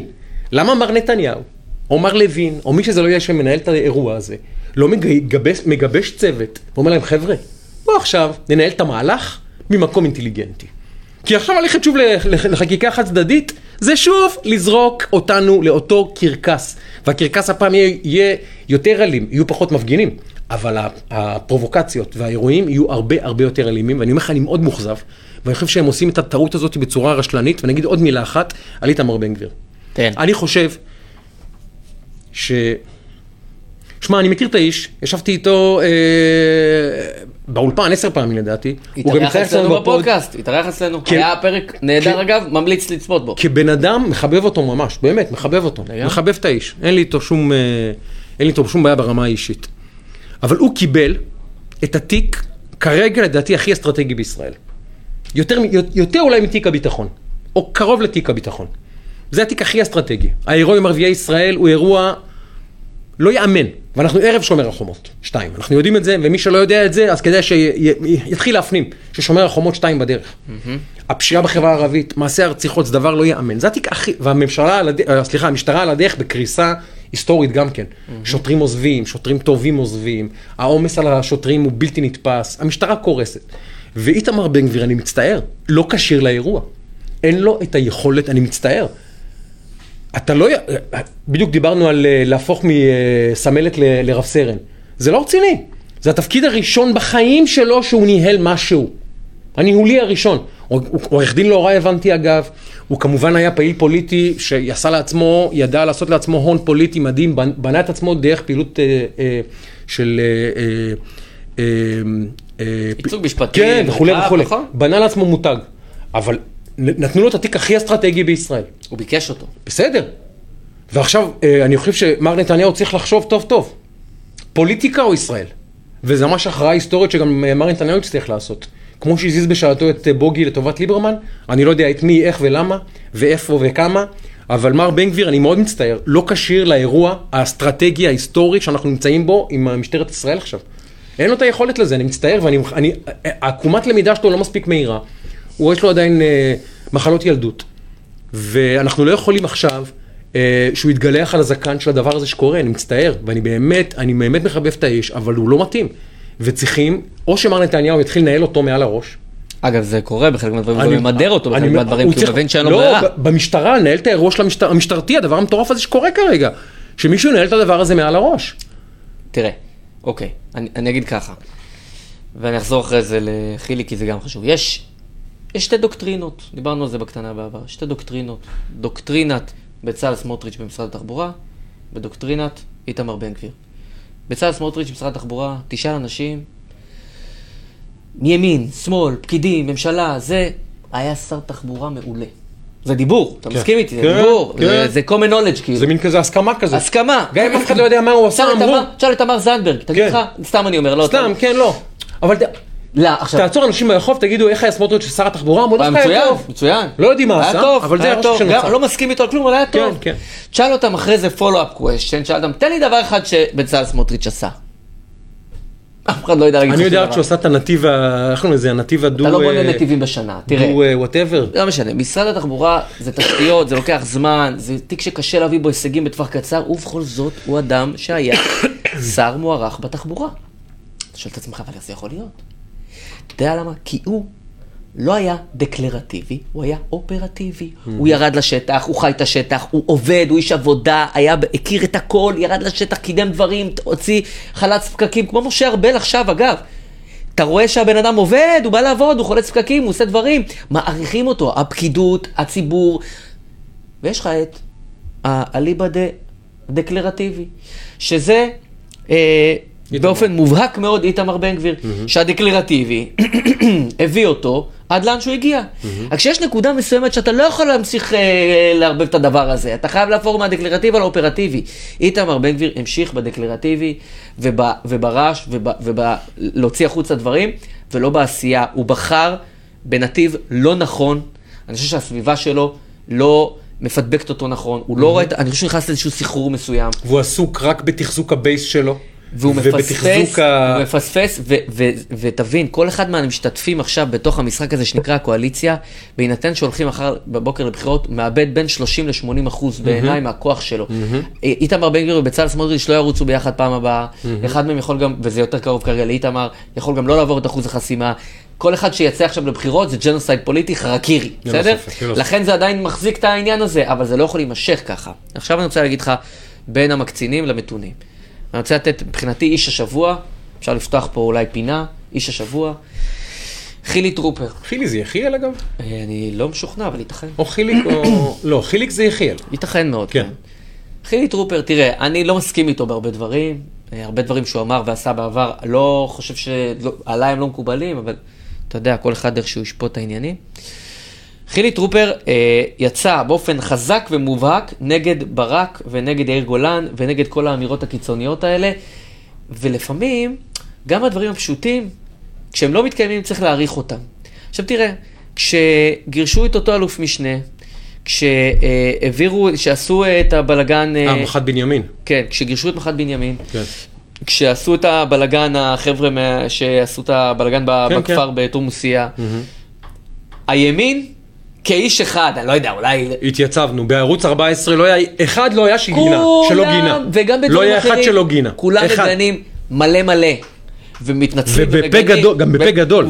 בפה גדול. אבל כשאתה רואה את הדברים האלה, זה מדהים שאתה יכול לציין רק את חילי טרופר. הדבר כל כך הגיוני לעשות, לצאת נגד אמירות קיצוניות ומהלכים ומעשים קיצוניים, ואף אחד לא עושה את זה במחנה הזה. עכשיו, אתה אומר, סבבה שיש את ה... את ה-4% האלה שעושים את הבלאגן, איפה ה-96%? איפה הם? איפה הם? ולכן אני חושב שחילי, או אני חושב שבני גנץ מתוגמל היום, אה, זה, זה לא באמת, זה לא באמת מספרים זה אמיתיים. ראש ממשלת הסקרים כרגע. נכון, אבל, אבל, אבל הוא כן מתוגמל בסנטימנט, כי אנשים מעריכים מתינות. היום, יותר מתמיד, המסה הקריטית, לא זאת שמבליטים בתקשורת, המסה הקריטית, מתינות מביאה קולות. ואני חושב שאנחנו באיזשהו גל, שאנחנו מסתכלים גם על, ה, על ההמשך, ואולי אפילו זה יכול להיות, אני לא יודע מתי, למערכת הבחירות הבאה, מי שיביא מתינות, יביא קולות. כי הרעשים האלה עלו לכולם כבר, אין ספק. וההקצנות האלה, אין אה, ספק. זה כבר, אתה יודע, אז אני, איש השבוע מבחינתי, הנה נשיק פינה, חילי טרופר. אני רוצה להספיק איתך עוד כמה דברים. אני גם רוצה להספיק נושא. אתה יודע מה, אז תתחיל אתה. לפני איזה חודשיים, צלצל אליי השר מיקי זוהר. אומר לי, שמע, יש ועדה שבוחרת את הוועדה, פרסים ספרותיים, משהו, לא, לא זוכר בדיוק. Disclaimer, גם אחלה גבר וגם איש ביצוע. כן, אני מחבב את לא אומר על דברים אחרים. מחבב את האיש מאוד. אפרופו דקלרציה ואופרציה, הוא יודע לעבוד. מחבב את האיש. אומר לי, יש ועדה במשרד התרבות, שתבחר ועדה, שתבחר את הפרסים, לא, לא, לא, לא הייתי סגור על מה הוועדה עושה, אתמול גיליתי מה היא עושה, ואנחנו רוצים שתשב בה. אמרתי לו, בלי לחשוב, אחי, אני עיתונאי, אני לא יושב בוועדות. אני לא עושה שום דבר בשביל המדינה, לא בקטע שאני לא נותן למדינה אה, שירות. אבל אני עיתונאי, וכעיתונאי אני שם על עצמי מגבלות, אני לא הולך להפגנות. אני לא אה, אה, יושב בוועדות פרסים של, אה, של, של המדינה. אני עיתונאי. מהמם. כאילו אפילו לא הפכתי את זה ל... אה, אה, ל- לדיון. ואתמול אנחנו רואים שגדי טאוב, נווה ומי השלישי בני ציפר, שאחר אה, כך יצא. כן, נכ- נכנסו לזה, וכמה מהומת אלוהים. מה הפרס, תזכיר? לא, זה ועדה שתבחר את הוועדה שתעניק פרסים. יש פרס ראש הממשלה, פרס לוי אשכול, פרס אה, לא זוכר מה, יש איזה שלושה ארבעה פרסים. עכשיו אחי, אני קצת בברנז'ה הספרותית, כן? גם, גם עבדתי בארץ, גם פרסמתי שמונה ספרים, אני גם מכיר, אה, עבדתי בשתי, כאילו, הוצאתי ספרים בשלוש הוצאות ספרים גדולות ומשמעותיות בישראל, אני מכיר את התעשייה הזאת. יש לי חברים סופרים, אני מכיר אותם. עכשיו קצת פחות, כן? אבל בזמנו, מכיר את התעשייה הזאת לא רע, אני אומר לך, אחי, א', זה, פרצ... זה, הפרסים המדוברים זה 20-25 אלף שקל, זה האירוע, כן? הברנז'ה הספרותית בתל אביב, אם היא עוברת את ה-300 איש, אני אה, רוי קין באמת, בסדר? אם היא עוברת את ה-300 איש בתל אביב, אני רוי קין, זה הברנז'ה הספרותית בתל אביב. כן. עכשיו, זה כזה פרודיה שהחבורה הזאת, ואני אומר, לך- אני אומר, אני אומר, אומר, אומר את זה בתור מי שהוא סופר ישראלי, הוא רואה את עצמו כסופר ישראלי. החבורה הזאת, של באמת, אני לא רוצה לפגוע אישית באף אחד שם, אבל אין שם אף סופר משמעותי, אוקיי? אין שם אף סופר משמעותי. שהוציאו אתמול טקסט, משהו מטורף, אני חייב לקרוא לך את זה, אתה לא תאמין, אתה לא. תאמין, אתה לא. תאמין איזה טקסט הם הוציאו, קראתי את זה, אמרתי, מה? מה? מה? מה? חכה, אתה מת, אתה מת, אתה מת. אני רק אה, רוצה להגיד לך ברקע, בינתיים כן. שתמצא, יש פה הרבה תגובות ושאלות. תקשיב, כן, אני- אנחנו תכף, אני רוצה שתדבר איתי על אה, זה, על אלשיך, מה שהוא אמר היום, זה מרתק. כן, נדבר על אלשיך, כי. שואלים פה על אלשיך, בין היתר. היום הודיע שר התרבות, אה, מיקי, מר מיקי, מר מיקי זוהר טה-טה-טה, כי הגיע הזמן וכולי וכולי וכולי וכולי וכולי וכולי, למצער אה, שלוש, שלושת, אה, של, שלושת נבחרי השר הם תועמלנים בשירות משפחת נתניהו. מי אומר את זה? זה יהודי שקוראים לו אילן, אילן שיינפלד, שהוא ראש, גם כן אחד מראשי ה... whatever, מחאה whatever, לא יודע איך הוא מגדיר את עצמו, הוא משורר ולדעתי גם מו"ל. אה, למ- למצער שלושת נבחרי השר הם תועמלנים בשירות משפחת נתניהו בהפיכה המשטרית. דוקטור גדי טאוב, גם אה, אקדמאי, גם פרסם כמה ספרים, גם זכה בעצמו בפרסים ספרותיים. נווה דרומי פרסמה עכשיו ספר, פרסמה עוד ספר קודם. בני ציפה עורך. אגב, כותבת בהארץ הרבה כן, בני ציפר עורך מדור הספרות אה, והספרים הכי הכי חשוב, הכי חשוב בישראל, אה, אה, הארץ אה, תרבות וספרות זה נקרא, זה מדור הספרות הכי חשוב בישראל, עורך את זה שנים. אנשים שאין בכלל מחלוקת על, על, על ההתאמה המקצועית שלהם, אבל הם מזוהים כאנשי ימין. חכה, זה נגמר ככה. חלקם, כמו דוקטור, דוקטור גדי טאוב, גם השתלמו בנושא זה באחרונה בהונגריה בשליחות המשטר.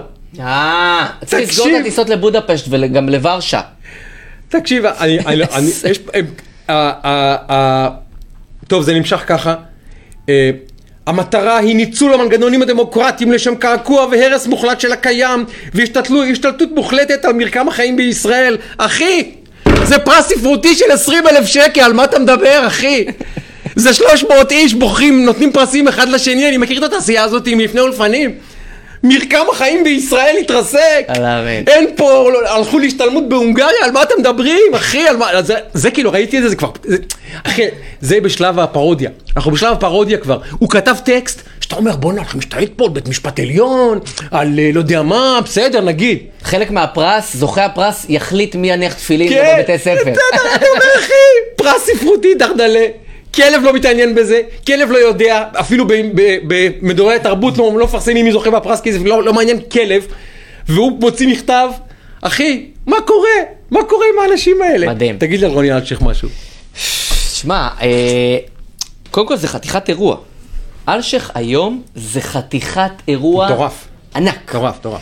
ואני אה, חייב להגיד לך שאני לא מצייץ יותר מדי בטוויטר, אה, אבל, אבל היום זה באמת כאילו, אני קראתי ויצא לי עשן מה, מהאוזניים. ואני אגיד לך מה כתבתי, וזה יתחבר לעניין. כתבתי ככה, רוני אלשיך אומר הבוקר את מה שהיה ברור לכל בר דעת, וצריך להדיר שינה מכל אזרח שומר חוק מימין ומשמאל. תפיסת המערכת היא, נתיש אותך, נדליף על הראש שלך מבלי שיש לך יכולת להתגונן, כי כשאתה בתוך משטרה, ואתה בתוך חקירה לצד אחד, וזה המשטרה, יש יתרון יחסי אדיר עליך, כי אתה לא יכול להגיד כלום, והם יכולים להגיד מה שהם רוצים, וזה מה שהיה פה, כבר אנשים שכחו. כל ההדלפות, ההדלפות, הדלפות, הדלפות, נרמוס אותך בכל דרך, ואתה תיכנע ותכרע. בפני המערכת, אבל נתניהו החליט פעם אחר פעם, בכל צומת במסגרת העימות מול דוקטרינת אלשיך, בניגוד להנחת היסוד השגויה והמפחידה ממש של המפכ"ל לשעבר, כפי שנחשפה הבוקר, לא להיכנע. נדמה לי שהיה זה מילצ'ן שאמר פעם שיש באפריקה פיל עם אור של נתניהו. אז, שמע, אני שמעתי את זה, ושמעתי את כל הקטע כדי לראות, אולי, הוא לא יודע, אולי הוציאו דברים מהקשרם, אולי הוא לא בדיוק אמר. אה, אצל, אה, בבוקר, אה, יניר קוזין ו... לא זוכר מי היה איתו, אוקיי. סליחה, אולי ספי עובדיה. אוקיי. ו... אז באמת שמעתי את כל הקטע כדי לוודא שלא יודע, אולי, אתה יודע, לפעמים לוקחים איזה קטע, אז אני כן, תמיד כן. מעדיף לקחת את כל הזה, כדי לא... ואלשיך היום אומר דברים שבעצם המשתמע מהם, ויותר מהמשתמע, זה... אני הייתי מפכ"ל, ועסקתי דה פקטו בהערכה פוליטית, כמפכ"ל. ההערכה הפוליטית שלי הייתה שהפעולות שאני מבצע יובילו את נתניהו לפרוש. עכשיו תראה, יש חוק, וזה נס גלוי, מי שהעביר אותו לדעתי אגב זה, זה, זה מרץ ומפלגות נוספות, שראש ממשלה, זה שונה אגב משרים, אם, אם נתניהו היה שר ולא ראש ממשלה הוא היה מחויב להתפטר לדעתי, mm-hmm. אבל ראש ממשלה ויש חקיקה נפרדת, כי בעצם עד שאין כתב אישום, עד שאין הוכח אחרי כל הערכאות, הוא נשאר בתפקידו. אבל אם זה היה אחרת, נתניהו היה מחויב להתפטר, כשהגיש, כש, במסגרת החקירות. תבין איזה התערבות, עכשיו מדברים פה על מהפכה משטרית, מהפכה שלטונית, מה זה אם לא, כשהוא אומר בקולו, לא מישהו סיפר, הוא אגב, אני לא, לא מצליח להבין מה הוא רצה לעשות, הוא, הוא גרם נזק אדיר לו, לתיק, הוא שיבש פה את כל האירוע הזה בצורה מטורפת. עכשיו, היו הרבה מאוד שיחות ואמירות שלו, שהוא אמר ש... או אמרו, אני, אם, אני, אם אני לא מדייק, על, על אה, ריטמן, ועל זה שנתניהו מחפש שם, ויש אנשים שעושים כל מיני מעקבים, וכל מיני אמירות שנאמרו, ייחסו לו. פה האיש בקולו, בגלי צה"ל, אומר, אנחנו הערכנו. שמה שיקרה במסגרת החקירות האלה. שהוא יעזוב, לא, הוא לא אומר הוא יעזוב, שהמפלגה תזרוק אותו קיבינימט. תחשוב רגע על העניין הזה. עכשיו, יושב האזרח, עזוב ראש ממשלה. למה אני, אני באמת, כשאני אומר את זה, אז אומרים, אה, זה כאילו, אתה עבדת עם ביבי, כי... אני כל כך מעריך את נתניהו על זה שהוא המשיך את המשפט הזה, כי הוא עושה פה שירות אדיר לציבור במדינת ישראל, ומי שישר טיפה ולא מסתכל רק ביבי לא ביבי, אנחנו מקבלים פה כניסה לנבחי המערכת. אנחנו ממש רואים איך הפרקליטות... עכשיו, עזוב, כן תפירת תיק, לא תפירת תיק, פשוט עבודה שהיא בהרבה מאוד מהדברים ברמת כיתה ב'. ואתה רואה מפכ"ל משטרה, אתה רואה איך יחידת הסיירת שלו חוקרת אנשים, כולל חברים שלי, יועצי נתניהו, ואתה רואה דברים שהוכחו, אני אומר עובדות עכשיו, לא הערכות, הוכחו כעבודה פשוט בזויה של משטרת ישראל. אני חושב שזה, שזה אחרון השוטרים, ואני לא מזלזל באף אחד, אז אתה אומר מילא. אבל שזה בסיירת מטכ"ל שלהם, זה נורא ואיום. כשהמפכ"ל אומר את הדברים האלה, אחי, מה קורה פה? אין מילים. אין, באמת זה, אין מילים. זה, אתה יודע, זה כאילו עכשיו, אגב. עכשיו במקום להסתכל על זה כביבי לא ביבי, תנתקו רגע, תסתכלו שנייה אחת, רק תנתחו את האמירה הזאת. זה פשוט מפחיד. מפחיד, באמת מפחיד. אגב, אלשיך. חושב ש... אגב, ואז אומרים לך, לא, אבל ביבי מינה אותו. נו, ו? אם הממשלה הזאת לא מצליחה להקים ועדת חקירה אמיתית שתיתן תשובות על פגסוס, באמת נבין את האירוע שכל שבוע אנחנו מקבלים עוד מידע ועוד מידע, מקיפים... התחלנו הרי, ב... היו רק, לא היה שום, התחלנו בלא היה בכלל. נכון. אחרי זה אמרו יהיו רק ארבע או חמש, כמובן במקרים מיוחדים חריגים. הבנו שהיו כנראה עשרות אם לא מאות, ואנחנו כנראה מבינים שזה אפילו עוד יותר דרמטי מזה. לאט לאט נחשפים עוד, עוד, עוד, עוד ועוד דברים. מסתבר שהפרסום של תומר גנון לדעתי זה שמו, נכון? מכלכליסט.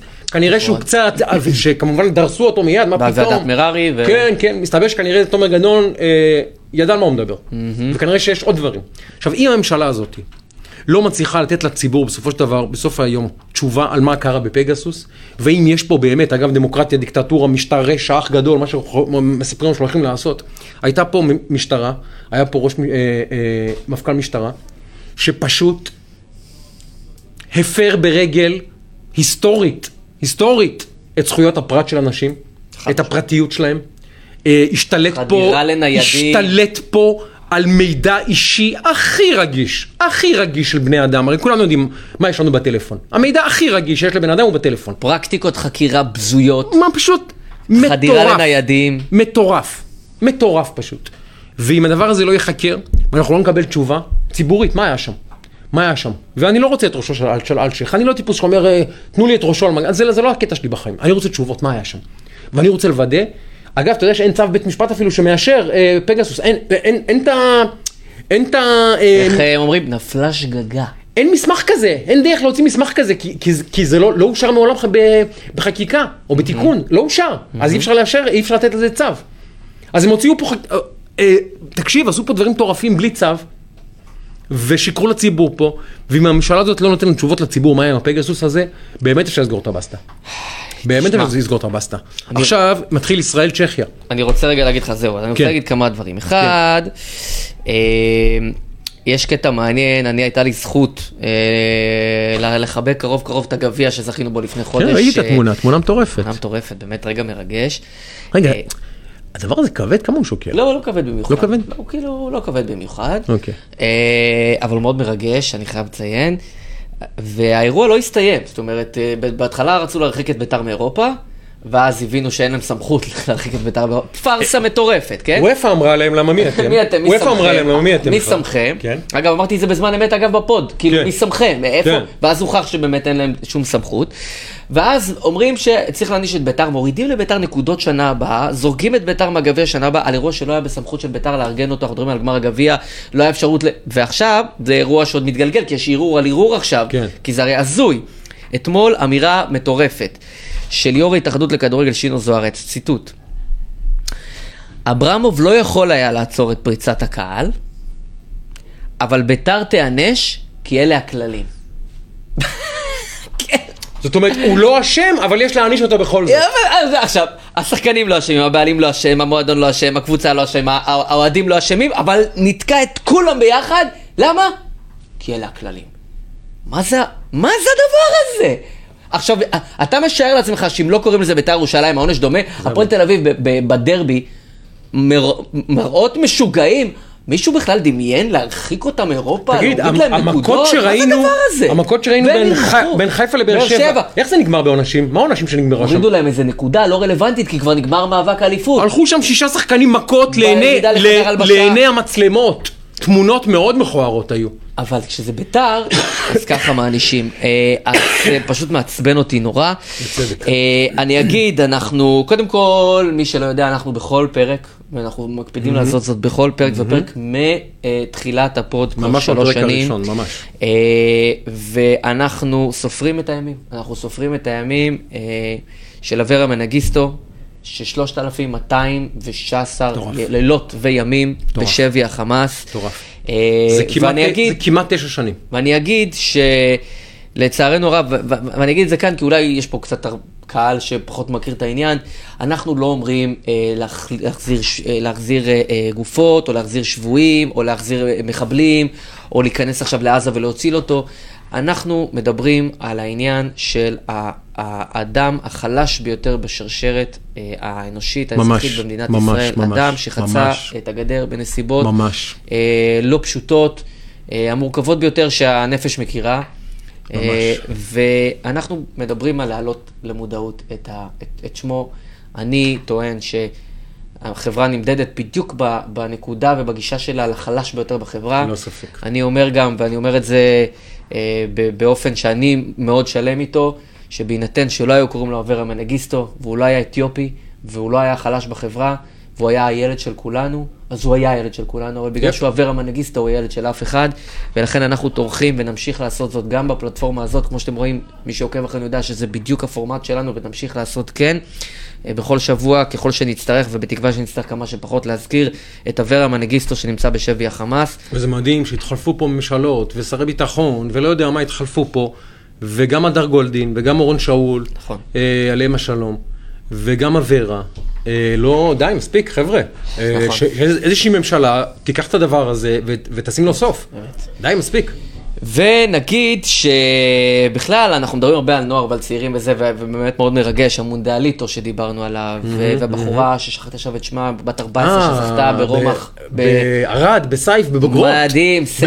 סנסציה. הייתה איתה על הפודיום מישהי כפול בגיל שלה. בת אוקיי? 14. בת 14. תחרות בינלאומית ראשונה בבוגרות שלה. סנסציה אליפות עולמית. אירופה, מקום שלישי, מטורף, מטורף. סנסציה עולמית. מרגש מאוד, אז. הנוער שלנו באמת, אה, כל כך הרבה יוצאים אה, כאילו ולא מבינים אותו וזה נוער מרגש, ובתוך זה אנחנו משדרים, אני מניח שהרבה מאוד אנשים גם תופסים אותנו עכשיו ככה בלייב, אבל הרבה מאוד אנשים גם יקלטו אותנו בסוף השבוע, אז נגיד שהנבחרת הנוער, הצעירה שלנו משחקת עכשיו משחק גורלי אה, נגד צ'כיה, בבית המקביל, אגב, אנגליה מובילה 1-0 על גרמניה? זה לטובתנו.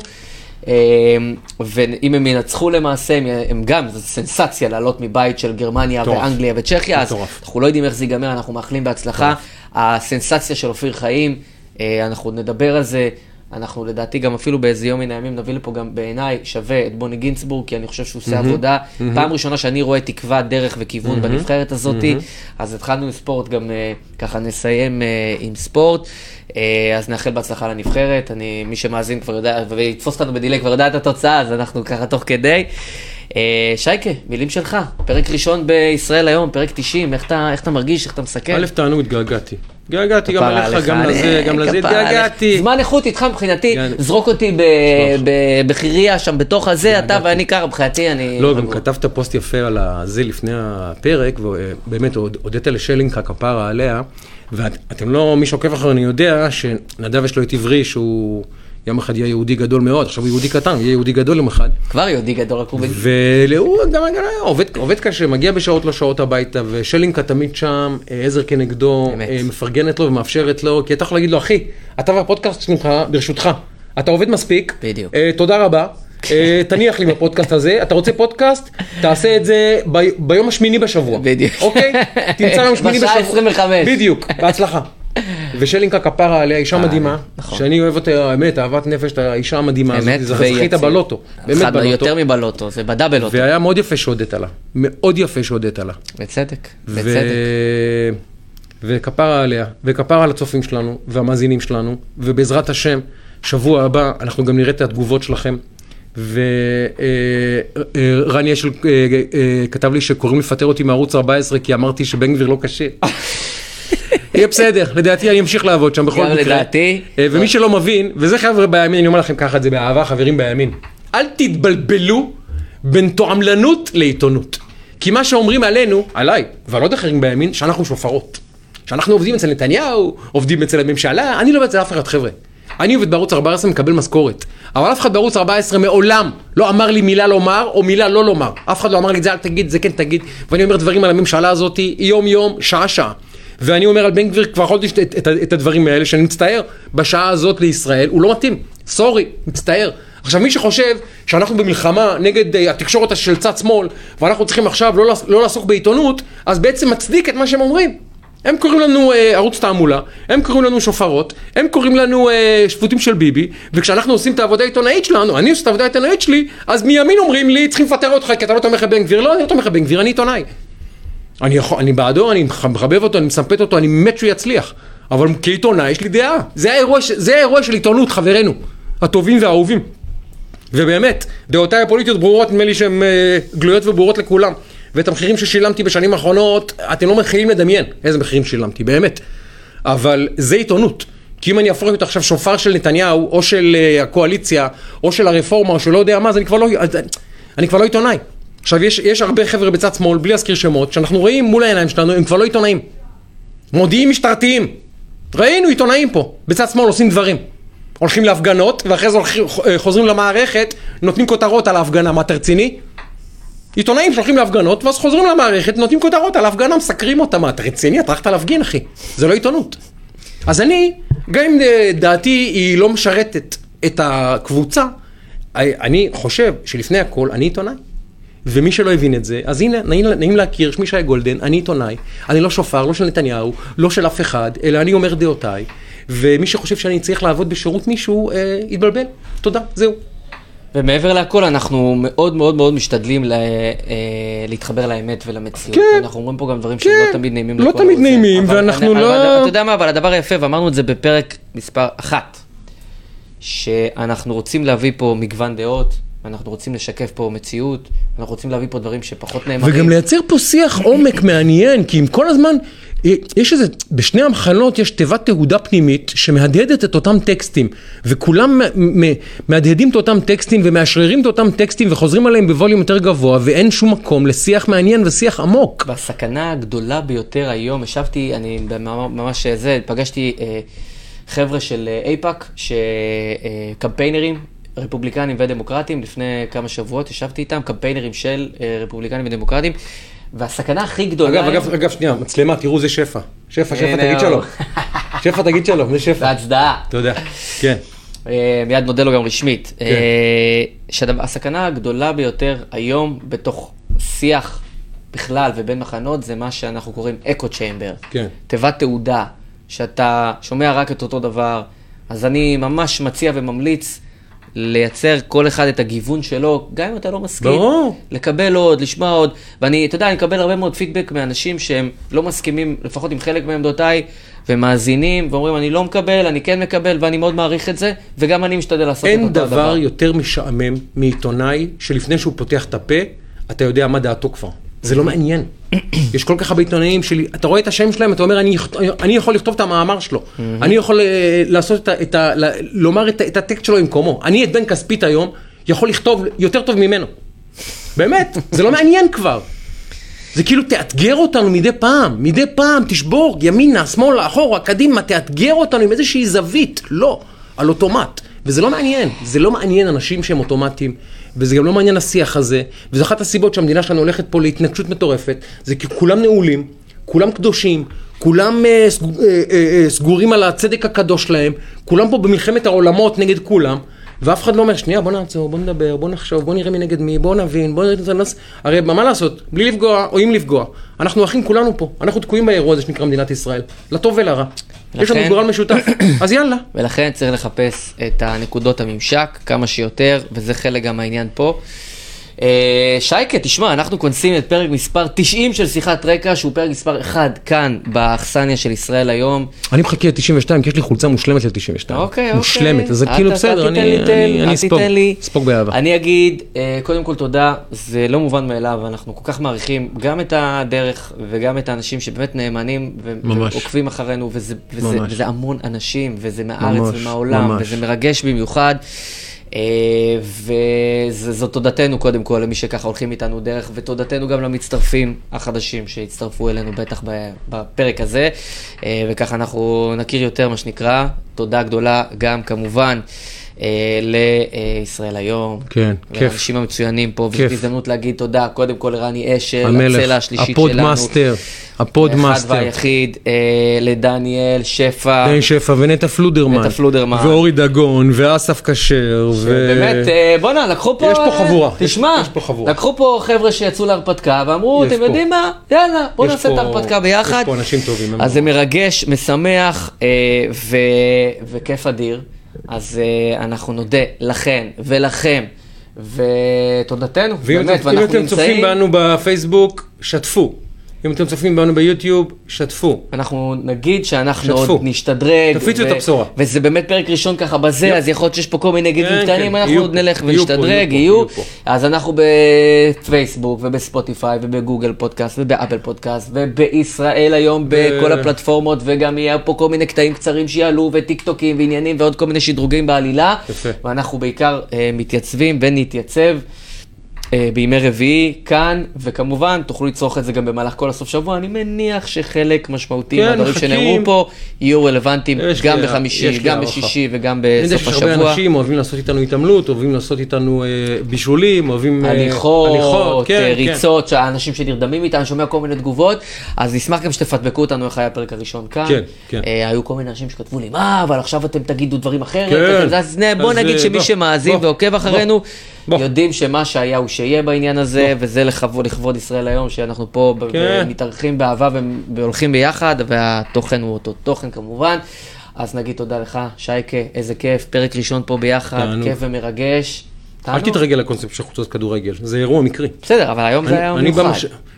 שבוע הבא הם גם אה, NBA, ו-92 יש לי חולצה מלמיליאן. אני עוד לא החלטתי לגבי השבוע הבא, אני בדרך כלל, ב- אתה יודע, בדקה ה-90 כזה, אני עם עבר, עם עבר אני מגיע. נמתין בסבלנות. יפה, אז תודה לכן ולכם, פרק מספר 90, שיחת רקע, סלמת.